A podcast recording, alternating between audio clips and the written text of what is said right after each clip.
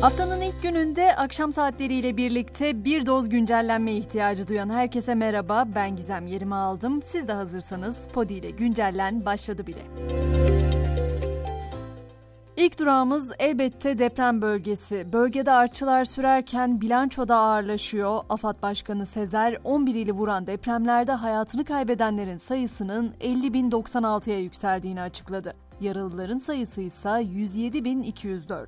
Bölgeyi vuran sel felaketinde ise can kaybı 19'a yükselmiş durumda. Adıyaman'da kaybolan Fatma Tekdal'ın cansız bedenine ulaşıldı. 1,5 yaşındaki kızı Zeynep ise aranıyor. Şanlıurfa'da da suya kapılıp kaybolan tır şoförünü arama çalışmaları sürüyor. 6 gündür devam eden çalışmalar tır parçalarının bulunduğu bölgede yoğunlaştırıldı. Avrupa Birliği'ndeki deprem bağışı konferansında konuşan Cumhurbaşkanı Erdoğan ise depremlerin maliyetinin 104 milyar doları bulacağını söyledi. Avrupa Birliği'nden de Türkiye'ye deprem bölgelerindeki yeniden inşa çalışmaları için 1 milyar euro destek taahhüdü geldi.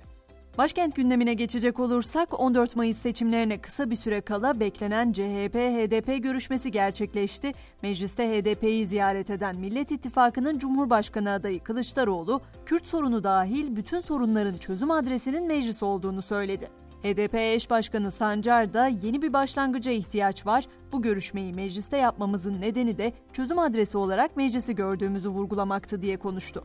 Yeniden Refah Partisi ise seçimlerde Cumhur İttifakı'na dahil olmama kararı aldı. Seçime tek başına girme kararı veren partide Fatih Erbakan kendisinin aday olacağını açıkladı. YSK'ya Cumhurbaşkanlığı adaylığı başvurularının başlamasıyla da Muharrem İnce, Sinan Oğan, Fatih Erbakan ve Doğu Perinçek adaylık başvurularını yaptı. Dört ismin adaylık için gerekli 100 bin imzayı 22-27 Mart tarihleri arasında toplaması gerekiyor. Yine günün sıcak gelişmelerinden olan öğretmen atamaları ile ilgili haberi de aktarayım. Açıklama Cumhurbaşkanı Erdoğan'dan 45 bin yeni öğretmen atamasının gerçekleşeceğini duyuran Erdoğan, bu atama döneminde önceliğin deprem bölgesine olacağını belirtti. Gelelim uluslararası ekonomi olaylarına Amerikan Merkez Bankası Fed ile 5 büyük ekonominin merkez bankaları finans piyasalarına güven vermek amacıyla Amerikan doları akışını artırma kararı aldı. Bugünden itibaren İngiltere, Japonya, Kanada, Avrupa, Fed ve İsviçre Merkez Bankaları koordine bir şekilde likidite karşılığının artırılacağını ortak bir açıklamayla dünya kamuoyuna duyurdu. Tabii küresel bankacılık krizi endişeleri güvenli liman altına talebi de artırdı. Uluslararası piyasalarda altının onsu 2000 doları, iç piyasada ise gram altın 1220 lirayı geçerek tüm zamanların rekorunu kırdı. Hazır ekonomiden söz ederken ceplerimizi yakacak haberi de hemen ilave edeyim. Motorinin litre fiyatına 81 kuruş zam geliyor. Zamlı tarife gece yarısından itibaren geçerli olacak. Ramazan ayının olmazsa olmazı pide fiyatları da netleşti. Türkiye genelinde 300 gramlık pide fiyatı 10 lira olacak. Fakat İstanbullular için durum biraz daha farklı. Zira İstanbul Büyükşehir Belediye Başkanı İmamoğlu halk ekmekte Ramazan pidesinin 5 liradan satılacağını duyurdu.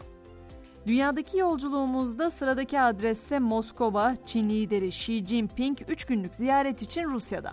Mevkidaşı Putin'le bir araya gelen Xi, Rusya ve Çin'in birçok ortak hedefi var dedi. İki liderin gündemi stratejik işbirliği ilişkilerinin geliştirilmesi olacak. Afganistan'dansa dikkat çekici bir karar var. Taliban lideri hükümet yetkililerinin aile üyelerini kurumlara atamasını yasakladı. Bu durumda olan oğul ya da aile üyesi kişilerin yerine başka atamalar yapılacak.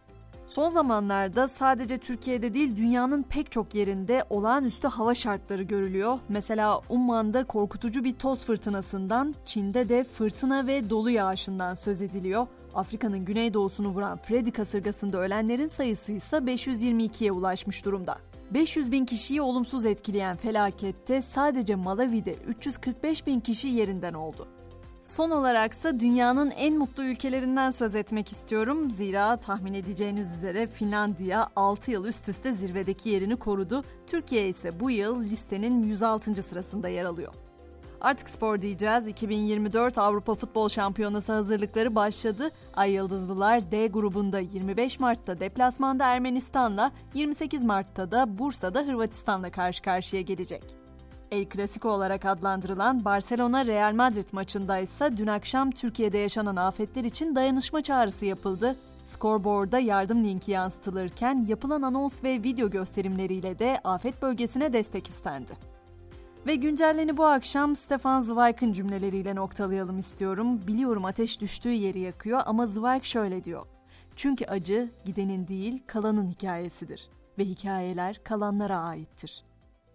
Dilerim kalanların hikayesi şimdiden sonra çok daha güzel yerlere gider. Yarın sabah tekrar görüşmek üzere. Şimdilik hoşçakalın.